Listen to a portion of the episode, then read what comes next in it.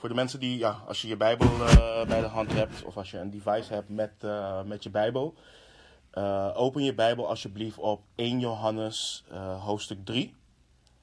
1 Johannes hoofdstuk 3. Eh, zondags gaan we vers voor vers door de eerste brief van de apostel Johannes. En vanochtend pakken we het op vanaf vers 4. En gaan we, ehm, ik, hoop, ik hoop het hoofdstuk af te maken, maar dat gebeurt elke keer niet. Dus we gaan vandaag tot vers, vers 10. Eh, laten we lezen, eh, bidden en vervolgens eh, de tekst induiken en ontdekken wat, wat onze Vader ons vanochtend wilt leren. Ehm 1 Johannes hoofdstuk 3 vanaf vers 4. Ieder die de zonde doet, doet ook de wetteloosheid. Want de zonde is de wetteloosheid. En u weet dat hij geopenbaard is om onze zonden weg te nemen. En zonde is er in hem niet. Ieder die in hem blijft, zondigt niet. Ieder die zondigt, heeft hem niet gezien en heeft hem niet gekend.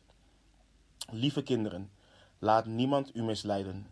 Wie de rechtvaardigheid doet, is rechtvaardig zoals hij rechtvaardig is. Wie de zonde doet, is uit de duivel, want de duivel zondigt vanaf het begin.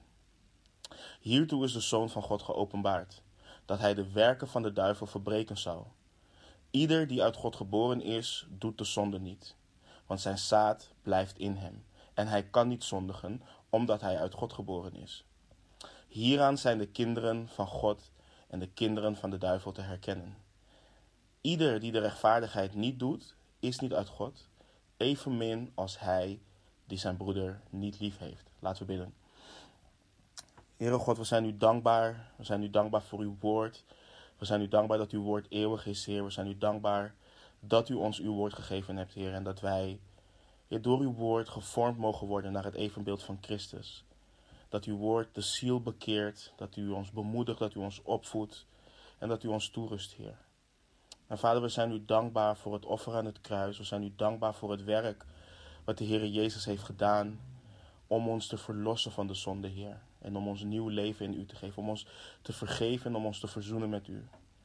En ik bid voor een ieder die vanochtend meekijkt. Ik bid dat u uh, onze harten raakt, dat u tot ons spreekt, dat u ons bekering geeft waar nodig en dat u ons geloof schenkt, Heer. Dus we loven en prijzen uw naam en bidden, bidden al deze dingen in de machtige naam van Jezus Christus. Amen. Um, deze brief, um, ik ervaar het als een enorm nederigmakende brief. Um, het toetst ons geloof en helpt ons om te onderzoeken of we daadwerkelijk uit God geboren zijn. Dat hebben dat hebben we de afgelopen weken continu gezien. En, en Johannes heeft dit gedaan um, door continu een serie aan testen te geven, contrasten te geven. Dus wandelen in het licht of wandelen in de duisternis. Uh, zonde beleiden of zonde ontkennen. Uh, de broeders en zusters liefhebben of de broeders en zusters haten. Uh, God liefhebben of de wereld liefhebben. Geloven in de waarheid of juist de leugen achterna gaan. En uh, vorige week hebben we gekeken naar het reinigende effect wat de hoop op de terugkomst van de Heer Jezus heeft. Um, dat we niet beschaamd gemaakt hoeven te worden wanneer Hij geopenbaard zal worden. En um, we hebben gekeken, we hebben aanschouwd de grote liefde die de Vader ons gegeven heeft. Dat wij kinderen van God genoemd uh, worden. Dus een prachtige bemoediging en een prachtige zekerheid die we hebben en waar we naar uit mogen kijken. En, en vandaag gaan we verder en vandaag gaan we nog dieper kijken. Want we hebben al gekeken naar, naar zonde, maar Johannes blijft continu hier naar kijken. En vandaag gaan we nog dieper kijken naar hoe je de kinderen van God herkent.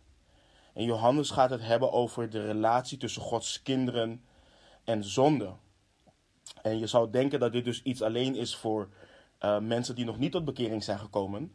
Maar zoals ik al eerder zei, Johannes wilt, wilt, wilt, um, wilt ons helpen om te toetsen hoe we in onze relatie uh, staan en of we onszelf niet misleiden.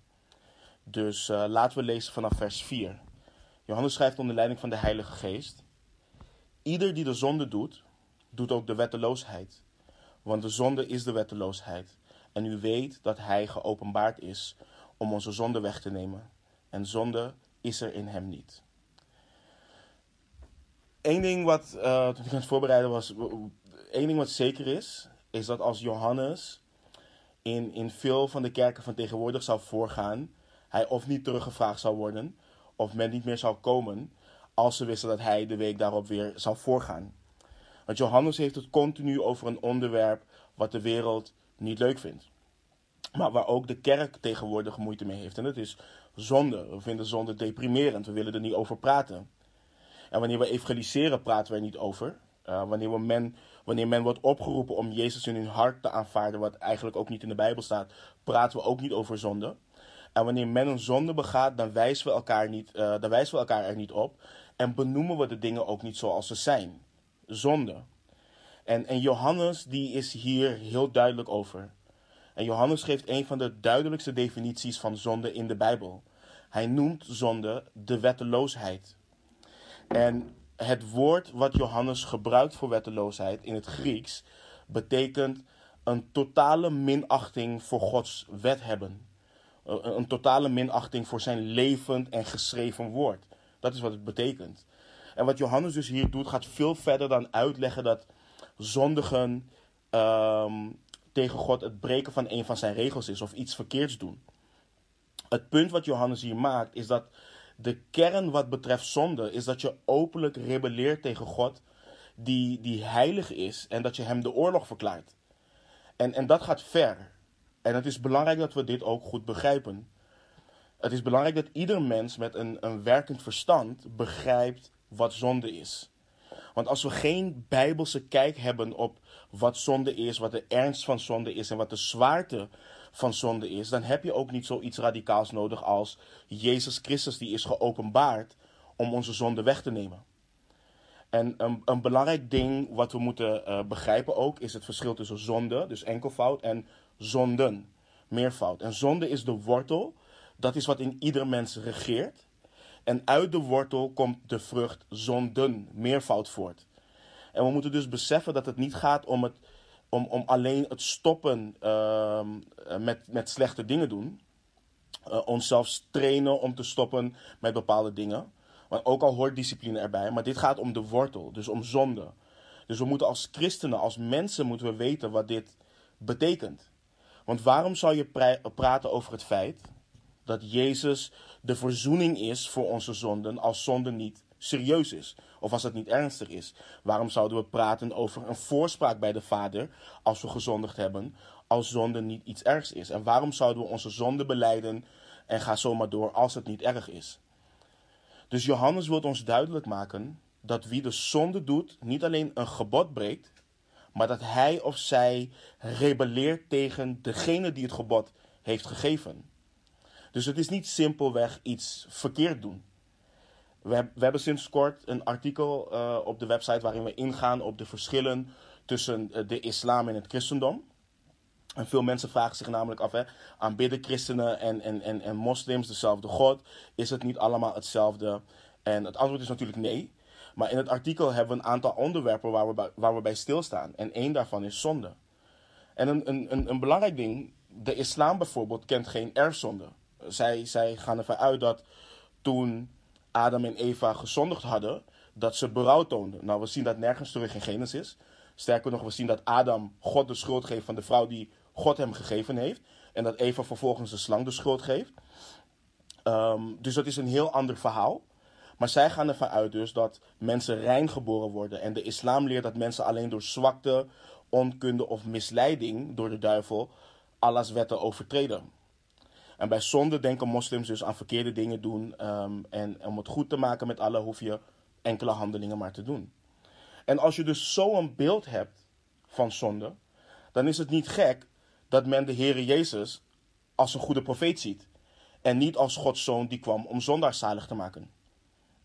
En hetzelfde geldt voor de ongelovige wereld. Waarom ziet de wereld Jezus alleen maar als een goed man of iemand die wat wijze woorden heeft gebracht? Omdat men niet doorheeft dat ze openlijk rebelleren tegen een heilig en rechtvaardig God die zal oordelen over de zonde.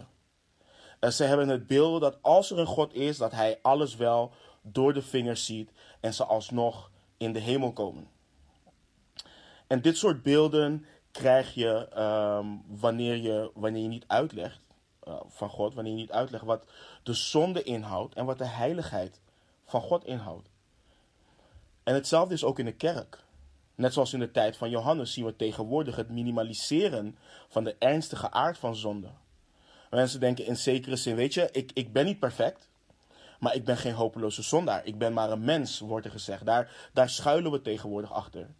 En, en daarom in het begin van de brief, wat is, wat is het eerste wat Johannes heeft verkondigd nadat hij ons op de Heer Jezus in de eerste vier versen heeft gewezen? In 1 Johannes 1, vers 5. Hij schreef: En dit is de boodschap die wij van hem gehoord hebben en aan u verkondigen: dat God licht is en dat in hem in het geheel geen duisternis is. Hij begon met de heiligheid van God. Weet je, en ik bid dat dit onze harten mag reinigen, dat dit ons verstand mag reinigen. Dat we weten dat God heilig is, dat Hij licht is. En dat we dit mogen beseffen en, en dat dit ons doet denken, uh, dat dit ons denken zal hernieuwen en onze kijk op zonde zal veranderen. Anders schrijft ieder die de zonde doet, doet ook de wetteloosheid. Want de zonde is de wetteloosheid. En, en let op wat Johannes schrijft. Hij schrijft in de tegenwoordige tijd. Ieder, die, ieder persoon die de zonde doet. Hij heeft het niet hier over de christen die een keer zondigt. Dat doen we allemaal. Uh, hij heeft het niet over zondeloze perfectie. We hebben geleerd dat we eerlijk moeten zijn over zonde en dat we onszelf misleiden als we dat niet doen. Maar Johannes heeft het hier over de persoon die zonde praktiseert. Die leeft in zonde. Die willens en wetens in zonde leeft. Waarvan het leven gekenmerkt wordt door zonde. En, en let ook goed op, Johannes heeft het over beleidende christenen. Dus vergeet niet dat er dwaalleer werd verkondigd. Dat het allemaal om de geest ging. Wat je met je lichaam deed maakte niet uit, want het lichaam en de geest waren van elkaar gescheiden. Dat, dat is wat er werd onderwezen. Dus men zei, je kunt een christen zijn, je kunt een volgeling van Jezus zijn en prima zonde begaan met je lichaam. En Johannes verwerpt dit. Hij zegt nee, wie willens en wetens de zonde doet, heeft een totale minachting voor God en zijn woord. Dat is echt iets waar we over na moeten denken. Want hoe vaak hoor je tegenwoordig? Het is helemaal geen zonde om ongetrouwd samen te wonen. Het is helemaal geen zonde om in een relatie te zijn met iemand van hetzelfde geslacht. Abortus is helemaal geen zonde. Roddelen is geen zonde. Het is simpelweg het delen van informatie. Liegen is geen zonde meer. En ga zomaar door. We leven in een cultuur, en die cultuur is de kerk ingeslopen, waar zonde geen zonde genoemd meer wordt. En wat krijg je? Je krijgt mensen die in losbandigheid leven. Mensen die denken dat ze tot wedergeboorte zijn gekomen. Mensen die zich eigenlijk nooit hebben bekeerd, maar denken dat ze christenen zijn op basis van het feit dat ze naar de kerk gaan. Of dat ze op een manier, op, op hun manier, geloven in de Heer Jezus Christus. En dit is, dit is gevaarlijk, want die mensen geloven dit tot hun eigen verderf. Mensen onderwijzen dit soort dwaalleer tot hun eigen verderf. En ik denk dat het volgende belangrijk is om te begrijpen. De persoon die totale minachting heeft voor Gods woord en dat bewijst door in zonde te leven, heeft ook minachting voor Jezus Christus en zijn werk aan het kruis. Dat is wat Johannes ons leert in vers 5. En u weet dat hij geopenbaard is om onze zonde weg te nemen. En zonde is er in hem niet. En, en, en dit is dus iets wat de lezers van Johannes wisten maar hij drukt het hen toch op hun hart.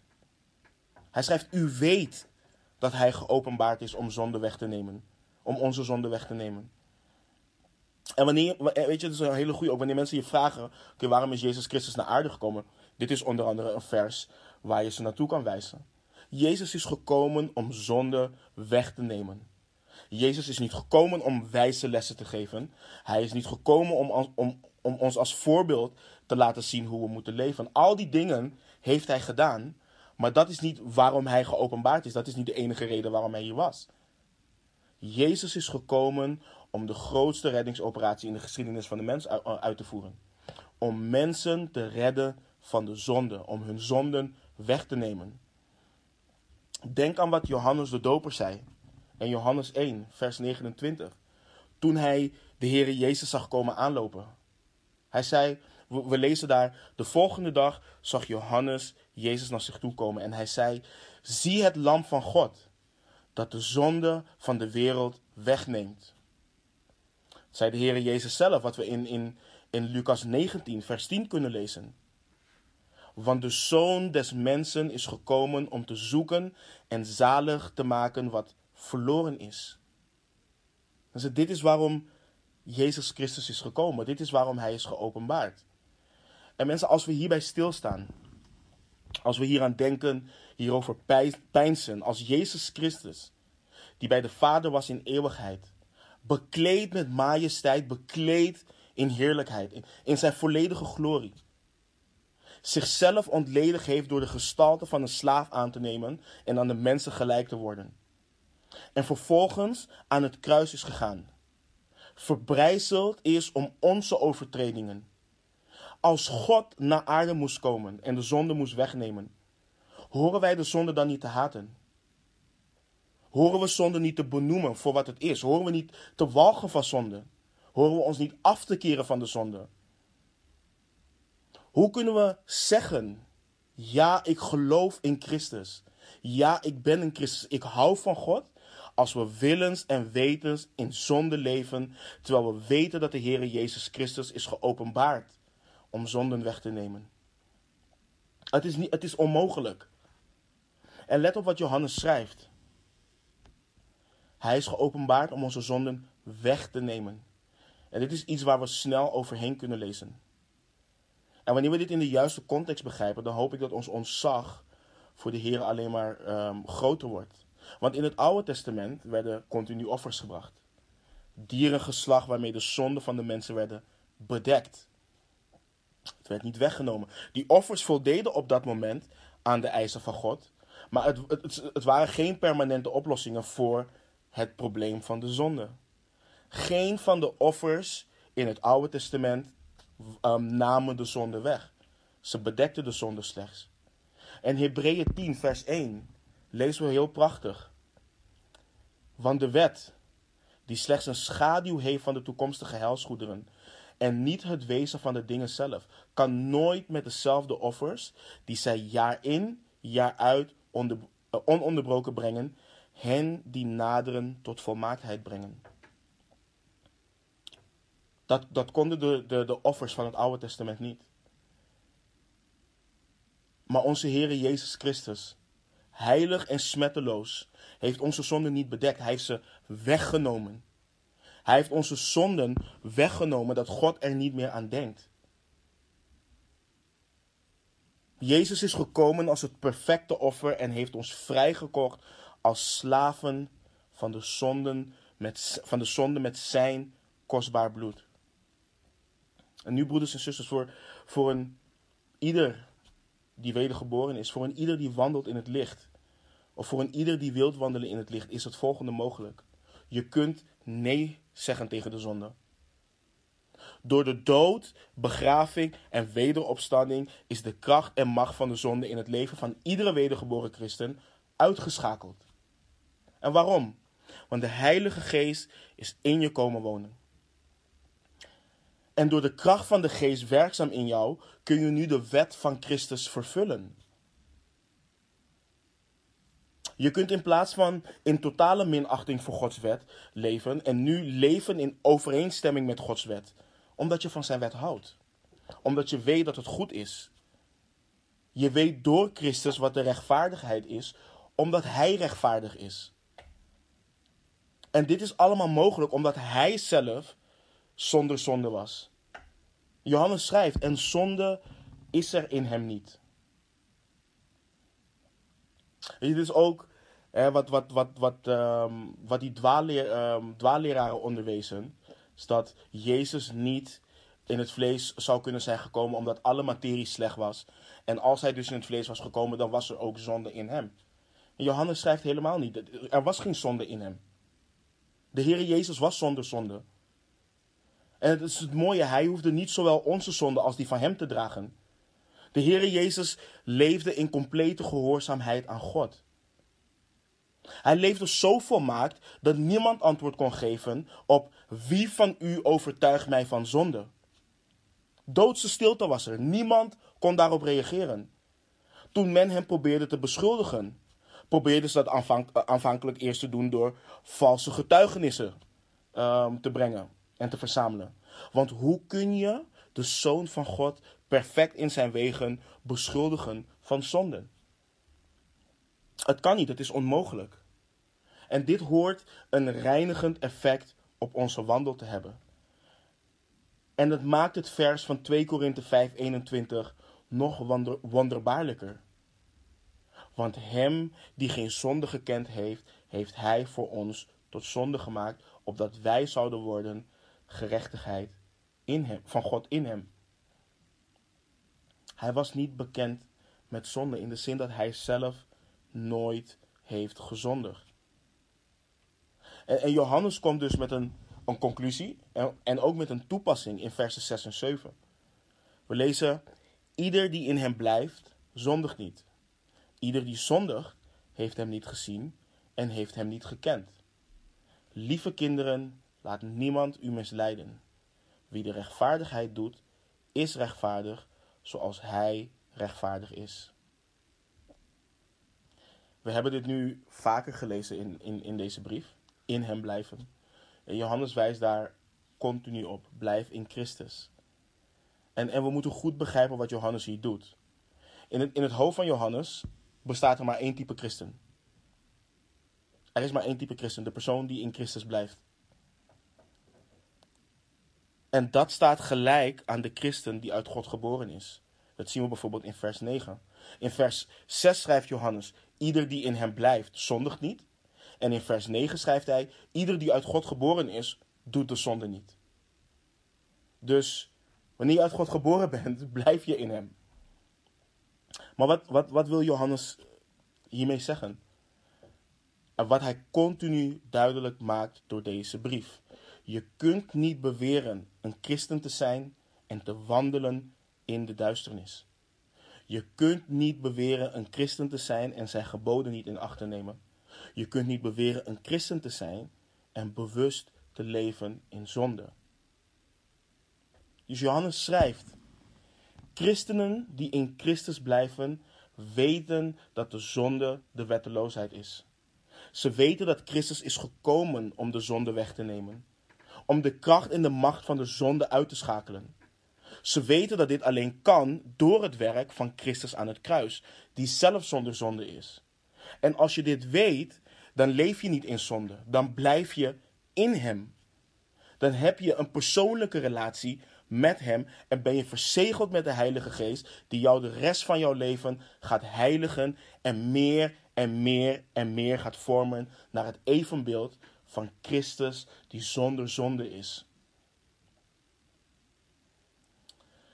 En, en, en, en kijk wat Johannes doet. Om het, om, om het even duidelijk te maken, schrijft hij: Ieder die zondigt, heeft hem niet gezien en heeft hem niet gekend. En nu is de eerste vraag: is dat niet een beetje oordelend? Hoe durft Johannes te schrijven dat ik Jezus niet heb gezien en dat ik hem niet heb gekend? Hoe durft hij te zeggen dat ik geen christen ben? Omdat je leven dat zo uitwijst, omdat je in zonde leeft, omdat jouw leven gekenmerkt wordt door zonde. En vergeet niet waar Johannes mee te maken had.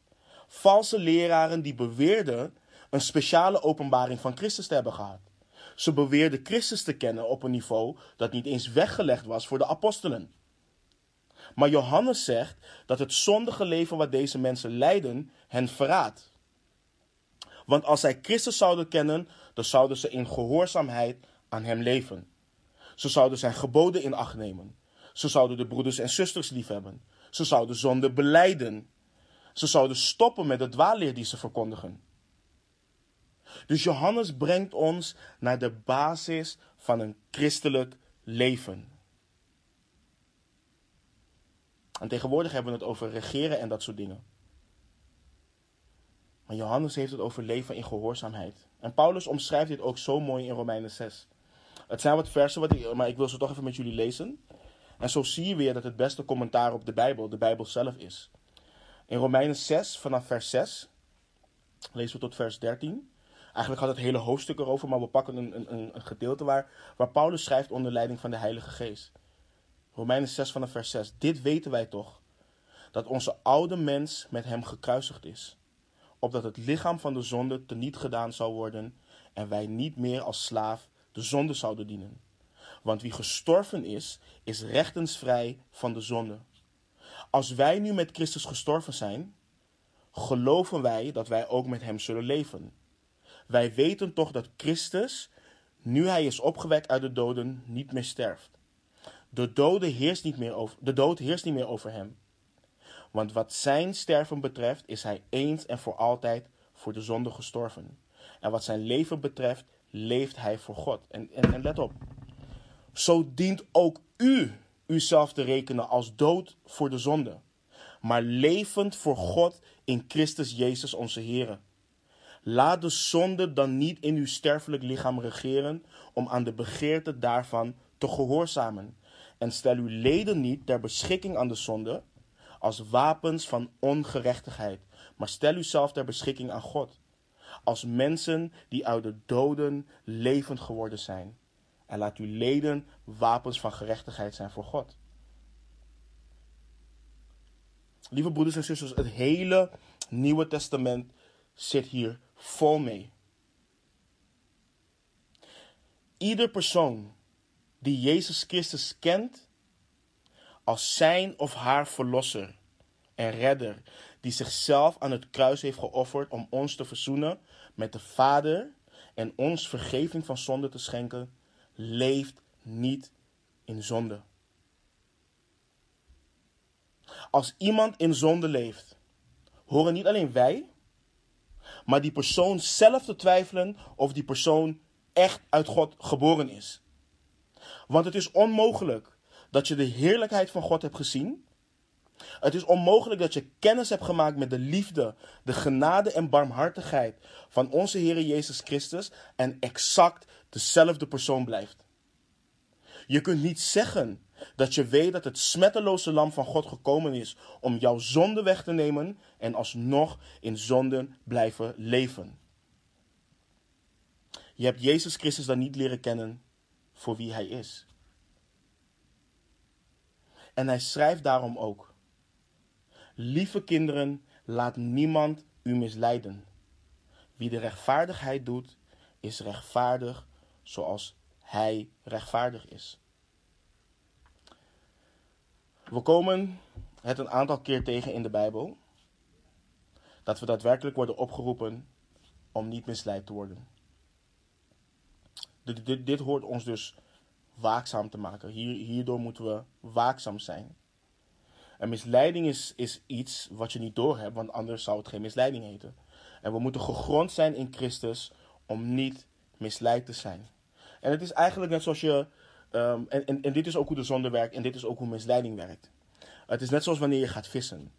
Wanneer je lokka's gebruikt, denken de vissen dat ze een heerlijke maaltijd krijgen. Maar wanneer ze toehappen, blijken ze uiteindelijk zelf de maaltijd te zijn. En zo is het ook met ons. Wanneer mensen komen met vlijende en goedklinkende woorden, dan kunnen we denken dat we daardoor dichter bij God komen. Maar uiteindelijk brengt die dwaalleer alleen maar scheiding tussen ons en God, omdat dwaalleer leidt tot een losbandig leven en zonde. Weet je, de mensen die praten over allerlei tekenen, eh, wonderen en openbaringen van God, maar ondertussen leiden ze zichzelf en de mensen die hen volgen met hen de afgrond in. En Johannes maakt duidelijk: laat niemand u misleiden. Wie de rechtvaardigheid doet, is rechtvaardig zoals hij rechtvaardig is. Dus Johannes waarschuwt voor de misleiding dat je rechtvaardig kunt zijn zonder dat het zichtbaar is in het leven van Gods kinderen. Dus dan betekent het dat mensen zullen zeggen: Nou, ik, ik geloof in God. Nee, ik geloof in Jezus. Ik ging vroeger naar de kerk. Of nee, ik ga naar de kerk. En Johannes leert ons dat het onmogelijk is om dat te zeggen zonder dat het zichtbaar is in ons leven. Johannes leert ons niet dat we, en dat, dat moeten we ook goed beseffen, Johannes leert ons niet dat we rechtvaardig gemaakt worden door onze rechtvaardige daden. Dus omdat we de rechtvaardigheid doen. Johannes schrijft juist dat een ieder die vergeven is en recht staat voor God op basis van eenvoudig geloof in Christus, de rechtvaardigheid zal doen zoals Christus rechtvaardig is. En, en dit idee is niet nieuw. Vergeet niet dat we hebben gelezen dat Johannes heeft geschreven in, in 1 Johannes 2, vers 6. Wie zegt in hem te blijven, moet ook zelf zo wandelen als hij gewandeld heeft. Broeders en zusters, ik hoop dat dit dat, dat de echte betekenis van gelijkvormig worden aan zijn beeld gaat leven. Johannes schrijft in liefdevolle en sterke taal en Johannes wil dat we ons leven onderzoeken. Dat we aan de schrift kunnen onderzoeken en toetsen. Ik beweer een volgeling van Jezus te zijn, maar ga ik ook daadwerkelijk meer op hem lijken? Ben ik God en zijn woord gehoorzaam? Ga ik zonde uit de weg? Word ik door de heiligheid en rechtvaardigheid van Christus gedreven tot een heilig en rechtvaardig leven waarmee ik God verheerlijk? Weet je, wanneer, wanneer ik met mensen praat, en, en, en vooral praat over bekering, krijg ik vaak, het, uh, krijg ik vaak excuses. Je weet niet hoe het is om uh, aangetrokken te zijn tot, het, tot iemand van hetzelfde geslacht. Je weet niet hoe zwaar die strijd is. Of welke seksuele zonde dan ook. masturbatie, pornografie, overspel, noem maar op. Of mensen die continu liegen. Mensen die boos worden. Um, en ik heb het over mensen die hierin leven. Uh, waarvan hun leven daar, uh, um, waar, waarvan hun leven gekenmerkt wordt door deze dingen. En ik, ik weet het niet. Ik weet het inderdaad niet. Maar wat ik weet is wat de kracht van Christus is. Dat is wat ik weet. Ik weet wat de kracht is van de geest die werkzaam in mij is. Ik weet dat de geest die Jezus Christus uit de dood heeft opgewekt, woont in iedere wedergeboren christen. En ik weet dat het lichaam van zo'n persoon de tempel van God is. En ik weet dat ik mijn vlees niets meer verplicht ben. En ik geloof en juich mee met Paulus wanneer hij schrijft in 1 Korinthe 15 vanaf vers 55. Dood, waar is uw prikkel? Graf, waar is uw overwinning? De prikkel nu van de dood is de zonde. En de kracht van de zonde is de wet. Maar God zij dank die ons de overwinning geeft door onze Heer Jezus Christus. Dit is wat ik weet. Ik geloof en onderwerp me wanneer Jacobus schrijft in Jacobus 4, vers 7. Onderwerp u dan aan God. Bied weerstand aan de duivel en hij zal van u weg vluchten. En ik wil de strijd absoluut niet bagatelliseren. Maar ik geloof dat de persoon die bewust leeft in zonde, zich door zijn of haar begeerten heeft laten meesleuren, zoals Jacobus dat ook schrijft, en niet door de liefde, genade en barmhartigheid van God in Christus. We moeten onszelf niet misleiden. Een rechtvaardig leven, een leven wat gelijkvormig wordt gemaakt aan het leven van Christus, is een bewijs van wedergeboorte. We laten ons tegenwoordig te veel meeslepen door zogenaamde uh, christenen in de, bijvoorbeeld de entertainmentindustrie. We kijken naar de ingevulde bio's van hen op Instagram, op Facebook, op noem maar op waarin staat God first. En denken dat die persoon een wedergeboren christen is. Maar wanneer je door het profiel van die persoon scrolt, zie je halfnaakte foto's, dronken foto's in de club en noem maar op.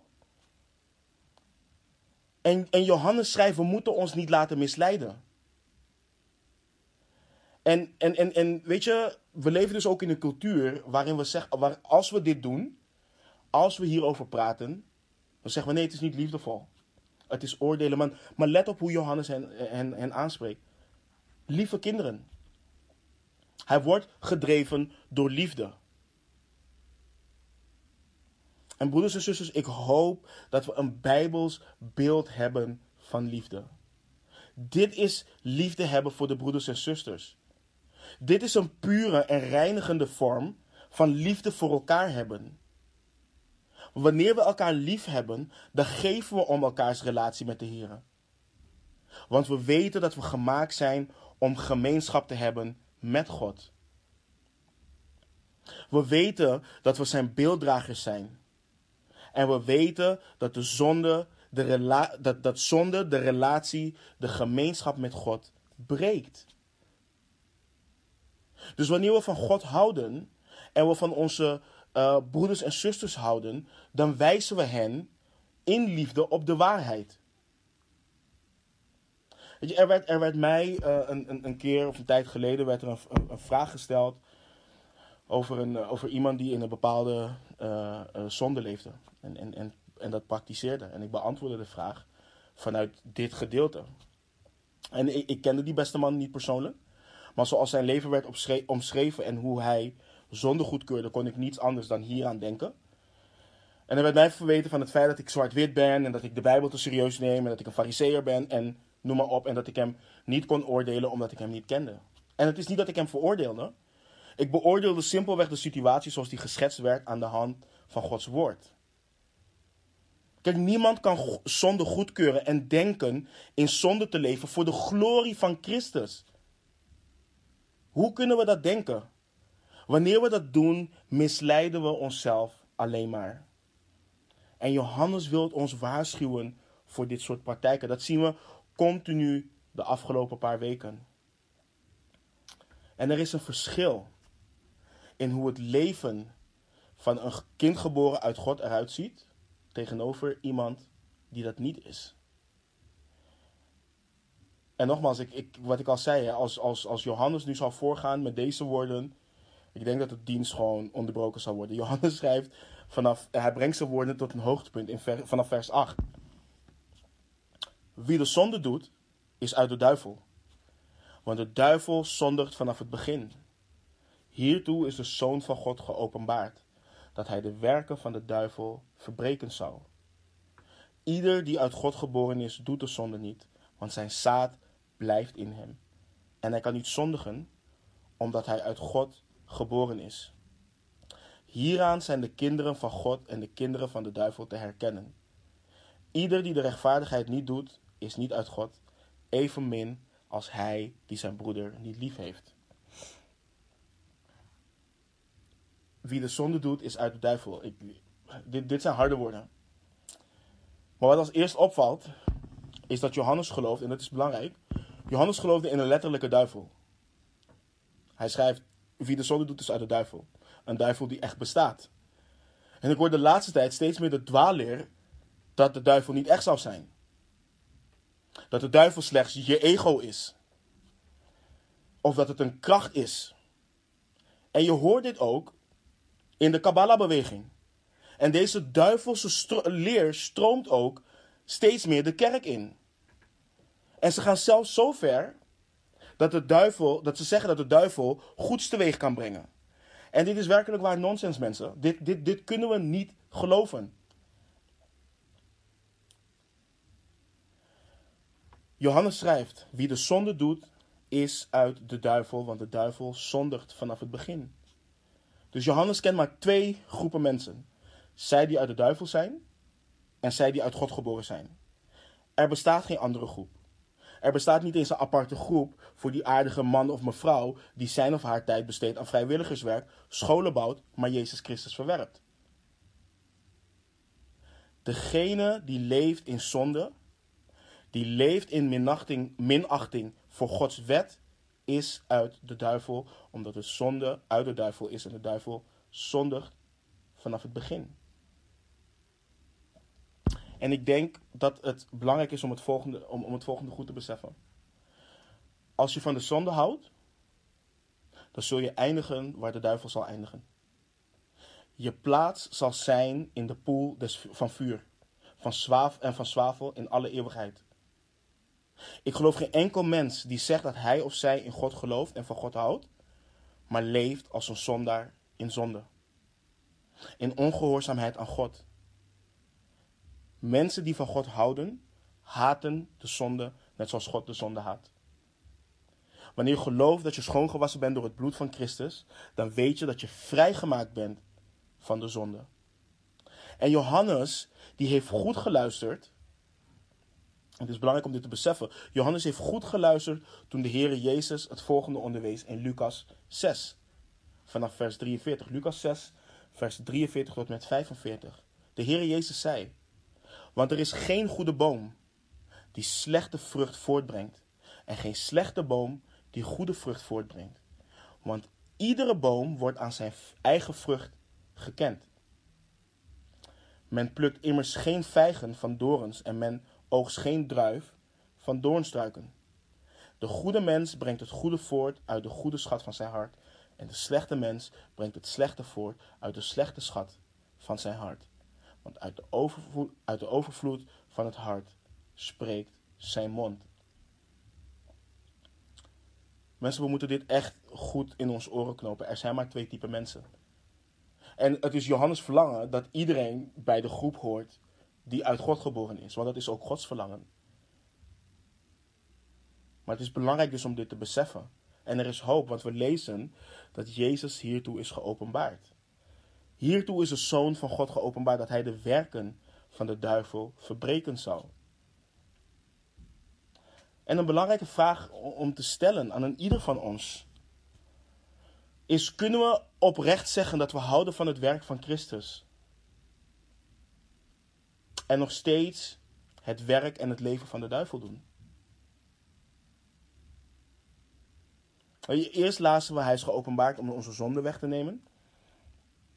En hier lezen we hij is geopenbaard dat hij de, werk, de werken van, van, van de duivel zal verbreken. In het Grieks schetst dit het idee, dus het idee van zonde verbreken, losmaken van de zonde. En, en, en denk daar dus even over na. Ons, ons losmaken van de zonde. Het is dus alsof de mens gebonden is door de kettingen van de zonde. Maar Jezus Christus is gekomen, hij is geopenbaard om mensen daarvan los te maken, om ze daarvan te bevrijden. Hij kwam de straf, hij kwam de straf betalen om ons vrij te kopen, dus om ons los te maken. Dus Johannes maakt een super, super sterk punt hier. Als wij zonde in ons leven tolereren, dan kiezen we de kant van de Satan en kiezen we tegen de Heer Jezus, die juist gekomen is om het werk van de duivel te verbreken. We moeten als beleidende christenen inzien dat een zondig leven als beleidende Christus onverenigbaar is met het leven van Jezus Christus, die zonder zonde is. Ik, ik, ik kan niet omschrijven hoe het, uh, hoe het voelde toen ik tot wedergeboorte kwam. Maar ik weet dat ik me letterlijk bevrijd voelde. En ook al vond ik mezelf een goed mens, was ik niet tevreden met mezelf. Ik wilde mezelf continu verbeteren, continu veranderen en het lukte niet. Ik bleef continu worstelen met dingen die nu duidelijk in de Bijbel staan gedefinieerd als zonde. Maar toen Gods goede tierenheid aan mij verscheen, ik, ik, ik, wist gewoon letterlijk niet wat er gebeurde. Hij begon één voor één af te rekenen met, de ding, met, met al die dingen in mijn leven. En, en, en meditatie kon dat niet doen. Geen mantras kunnen, mantras kunnen dat niet doen. Yoga niet. Medicijnen niet. Het woord van God werkzaam door zijn geest in mij. En het is letterlijk zo bij iedereen die uit God geboren is. De duivel heeft geen macht over christenen. En dit is ook iets wat we goed moeten begrijpen. Weet je, je hebt van die bedieningen waar, waar de duivel als een waardig tegenstander van Jezus Christus wordt gemaakt. En dat is niet zo. De Heer Jezus heeft het werk van de duivel letterlijk verbroken. In het leven van een christen heeft de Satan geen macht. En Paulus schrijft ook, in Romeinen 8 vanaf vers 31, Romeinen 8, 31 tot met 33. Wat zullen wij dan over deze dingen zeggen? Als God voor ons is, wie zal dan tegen, wie zal tegen ons zijn? Hoe zal Hij, die zelfs zijn eigen zoon niet gespaard, maar voor ons allen overgegeven heeft, ons ook met Hem niet alle dingen schenken? Wie zal beschuldigingen inbrengen tegen de uitverkorenen van God? God is het die rechtvaardig. Weet je, de, de, de Satan, kijk, hij heeft nu nog ruimte om Gods uitverkorenen lastig te vallen. Hij gaat nu nog rond als een brullende leeuw op zoek naar wie hij kan verslinden. Maar zijn dagen zijn geteld. En iedere christen kan zoals Petrus in 1 Petrus 5 vers 9 uh, schrijft, weerstand bieden aan de Satan. Vast in het geloof. Iedere christen kan dat. En dat hoort ons hart te bemoedigen. Paulus schreef, schrijft ook in Efeze 6 vers 11. En dit is belangrijk voor ons, bekleed u met de hele met de hele wapenrusting van God, opdat u stand kunt houden tegen de listige verleidingen van de duivel. Als jij een Christus bent, dan, dan, dan kun je dit. Dan ben je losgemaakt van de zonde. Het werk van de Satan is verbroken. Maar Johannes is nog niet klaar, want hij komt nu met een logische conclusie. Van vers 9. Ieder die uit God geboren is, doet de zonde niet. Want zijn zaad blijft in hem en hij kan niet zondigen, omdat hij uit God geboren is. En hieraan zijn de kinderen van God en de kinderen van de duivel te herkennen. Ieder die de rechtvaardigheid niet doet, is niet uit God. Evenmin als hij die zijn broeder niet lief heeft. Vers 9 is, um, is een vers wat voor veel discussie en verwarring zorgt, en nog steeds. Um, um, bijvoorbeeld, binnen de, uh, binnen de Adventisten wordt op basis van dit vers onderwezen dat ze een staat van zonderloze perfectie uh, hebben bereikt. Er staat immers, immers hè, um, uh, hij kan niet zondigen omdat hij uit God geboren is. En kijk, het is al heel wat om te zeggen dat iemand die uit God geboren is de zonde niet doet. Maar Johannes gaat een stap verder en schrijft dat zij die uit God geboren zijn niet kunnen zondigen. Ze zijn niet in staat om te zondigen. En, en als je eerlijk naar je leven kijkt, als ik naar mijn leven kijk en ik dit zo vers, als ik dit vers zo neem, dan kan ik een vraag stellen: ben ik wel uit God geboren? Want ik weet dat ik in staat ben om te zondigen. En ik weet dat ik niet zonder zonde ben. Dus we moeten goed kijken naar wat Johannes hier echt bedoelt. En als eerste moeten we onthouden dat we bezig zijn met Gods woord. En dat Gods woord onfeilbaar is. Dat het foutloos is. En dat God zichzelf nooit tegenspreekt. Dus als we dit systematisch bekijken en we teruggaan naar 1 Johannes 1 vers 8, dan lezen we dat daar, dat Johannes schrijft, als wij zeggen dat wij geen zonde hebben, misleiden wij onszelf en is de waarheid niet in ons. Vervolgens schreef hij in het volgende hoofdstuk, in, in, in 1 Johannes hoofdstuk 2 vers 1, dat hij deze dingen heeft opgeschreven opdat we niet zullen zondigen. Maar als iemand gezondigd heeft, wij hebben een voorspraak bij de Vader. Dus dat heeft hij geschreven. En nu is de vraag dan, hoe kan hij dit dan hier in hoofdstuk 3 schrijven? Spreekt hij zichzelf tegen? Heeft hij last van de leeftijd waar hij zich nu, uh, die hij heeft? En is hij vergeten wat hij hiervoor heeft geschreven? Ik, ik denk het niet. Ik weet zeker dat hij weet wat hij schrijft. En ik geloof dat het antwoord ligt in, want zijn zaad blijft in hem. En in vers 10. Johannes wil dat we, een, dat we een onderscheid kunnen maken tussen Gods kinderen en kinderen van de duivel. En dit op basis van hun vrucht, op basis van hun wandel. En hij doet dit op een behoorlijke zwart-witte manier. Hij legt ons uit dat zij die uit God geboren zijn, rechtvaardigheid doen. Zij die tot de duivel behoren, doen dat niet. Dus Johannes laat zien dat er een verandering plaatsvindt in het leven van een wedergeboren persoon. Voor onze wedergeboorte waren we allemaal, net zoals Paulus in Titus omschrijft, in Titus 3, onverstandig, ongehoorzaam, dwalend, verslaafd aan allerlei begeerten en hartstochten, levend in slechtheid en afgunst, hatelijk en elkaar haten. Dit is wat ieder persoon is zonder de wedergeboorte. Maar zij die uit God geboren worden, zij veranderen, want ze hebben anders zaad in zich. Ze behoren tot een andere bron en worden dus ook anders gevoed. Dus wanneer Johannes schrijft dat zij die uit God geboren zijn niet kunnen zondigen, zegt hij dat het voor Gods kinderen onmogelijk is om door te gaan met een bewuste levensstijl gekenmerkt door zonde. Johannes heeft het hier dus niet over zonderloze perfectie, wat de Adventisten uh, verkondigen, wat dus dwaalleer is, maar juist over wat het leven van Gods kinderen kenmerkt. Wanneer God jouw nieuw leven heeft geschonken, kun je niet meer leven in zonde. En wanneer je zondigt, want dat kan en zal gebeuren, zul je, omdat Gods zaad in je blijft, niet in die zonde kunnen blijven leven. Dus je hebt mensen die bijvoorbeeld een periode doorgaan dat ze, wat we noemen, dat ze ver, ver van God afwandelen.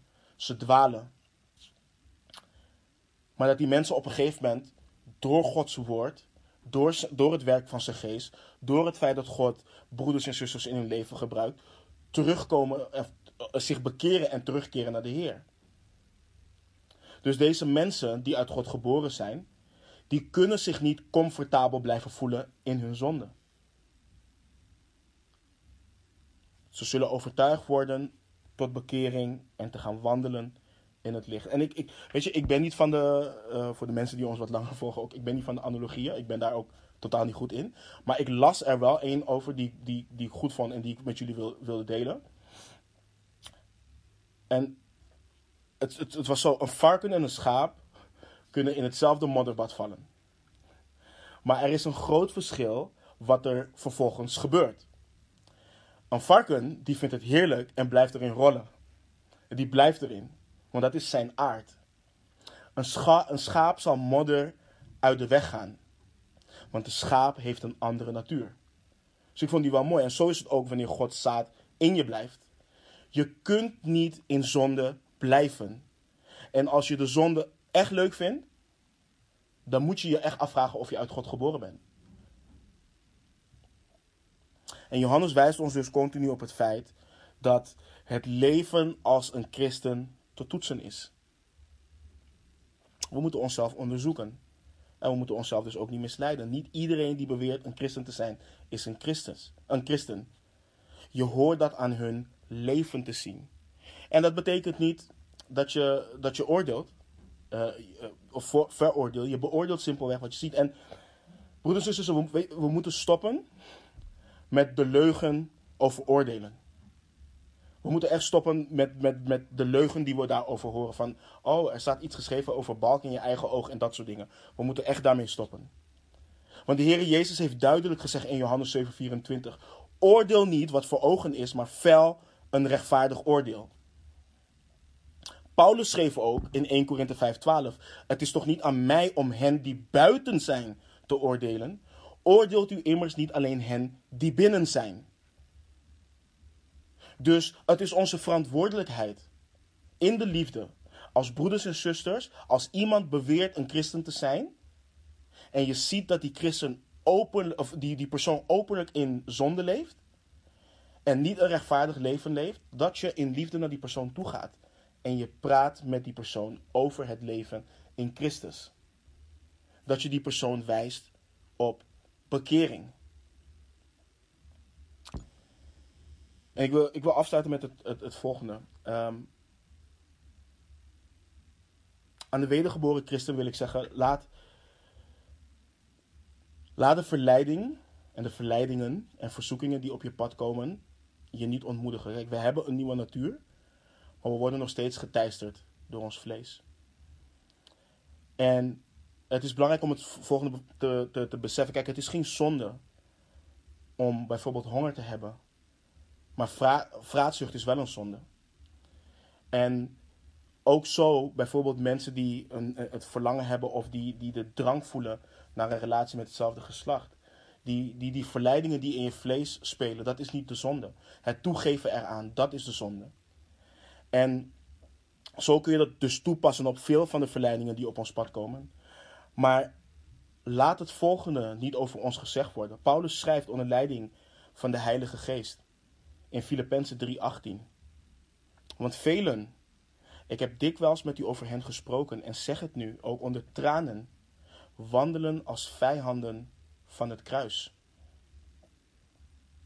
Als wij geboren zijn uit God, kunnen en mogen we niet wandelen als vijanden van het kruis. We horen eerder, zoals David in Psalm 119, vers 11 tegen God te kunnen zeggen: Ik heb uw belofte in mijn hart opgeborgen, opdat ik tegen u niet zondig. En, en, en, en nog één ding, hè. Misschien, misschien ben je opgegroeid in de kerk. Misschien beweer je in Jezus te geloven en, en, en een volgeling van Hem te zijn of in God te geloven of wat dan ook. Misschien beweer je dat ook niet. En ik doe zowel een beroep op jouw hart als op je verstand. Als jouw leven gekenmerkt wordt door zonde, smeek ik je, net zoals Paulus ook smeekt aan de Corinthiërs, laat je verzoenen met God. Bekeer je. Er komt een dag, en die dag komt zeker, dat je voor Gods troon komt te staan. En dan zal duidelijk worden dat je in totale minachting voor Gods woord hebt geleefd. En dat je niet uit Hem geboren bent. En dat je niet de rechtvaardigheid hebt gedaan. En wanneer je zal zeggen, Heere, Heren, Heere, Heren, zal Hij je antwoorden met, ik heb u nooit gekend, ga weg van mij, u die de wetteloosheid werkt. En als dat zo is, dan zul je in eeuwigheid de drinkbeker van Gods toorn moeten drinken. In eeuwigheid. God is liefde en God is heilig. En die twee attributen zie je samenkomen bij het kruis. En daar mag je naartoe rennen en op je knieën vallen en je bekeren van je leven in rebellie tegen God. Ik smeek je, kijk naar Jezus Christus, naar het volmaakte offer. Kijk naar hoe, hoe de Vader de wereld lief gehad heeft. Dat hij zijn enige geboren zoon heeft gegeven en heeft verbrijzeld aan het kruis, opdat je vergeving in hem mag ontvangen. Opdat je nieuw leven mag ontvangen. En opdat je macht ontvangt om zijn kind genoemd te worden. En weet je, als je daarover wilt praten of wat dan ook, je kunt ons bereiken op, via de website. We hebben een chatmodule, je kunt ons appen, je kunt van alles doen. Maar ik smeek je, laat je verzoenen met God. Laten we bidden. Heere God, we zijn u zo dankbaar, Heer. En we hebben ontzag, Heer, voor het werk wat u aan het kruis hebt gedaan. We zijn u dankbaar, Heer, dat u ons, uzelf ontledigd hebt, Heer. Dat u de gestalte van een slaaf hebt aangenomen. Om mensen met u te verzoenen. Mensen die in, in rebellie tegen u leefden, Heer. En leven. En Heer, u bent zo liefdevol, u bent zo genadig, u bent zo barmhartig. En ik bid, Heer, dat onze ogen daarvoor geopend mogen worden, Heer. Dat met kracht uw goede tierenheid in ons leven zal verschijnen en dat dat ons voor eeuwig zal veranderen. Dat wij uit u geboren mogen worden. Voor de mensen die dat nog niet zijn. En dat u bekering en geloof schenkt in het hart van de persoon die nog niet geboren is uit u, Heer. En vader, we zijn u ook dankbaar voor uw geduld, Heer. We zijn u dankbaar, Heer, dat als wij in, in, in zonde vallen of wat dan ook, dat u geduldig bent en dat u trouw en rechtvaardig bent om ons te vergeven wanneer wij onze zonde ook beleiden, Heer. En Heer, ik bid ook dat u, als er. U kunt in de toekomst zien, Heer, en u weet ook wanneer wij zonde begaan of dan ook. Vader, dat er geen hoogmoed in ons hart zal zijn. Dat wanneer uw woord ons wilt overtuigen, uw geest ons wilt overtuigen, uw broeders en zusters gebruikt om ons te overtuigen dat wij ons hart niet voor u zullen sluiten, Heer. En ons verstand ook niet. Maar dat wij, ons op, dat wij op ons knieën zullen vallen aan het kruis. En de genade zullen accepteren die u over ons wilt uitgieten, Heer. Dank u al voor uw bloed. En ik bid dat u ons leven zodanig vormt. Dat wij mogen leven voor uw glorie en voor uw heerlijkheid. En dat de mensen in de wereld onze Vader in de hemelen zullen verheerlijken. Vader, we loven en prijzen uw naam in alle eeuwigheid. En danken u in Jezus' naam. Amen.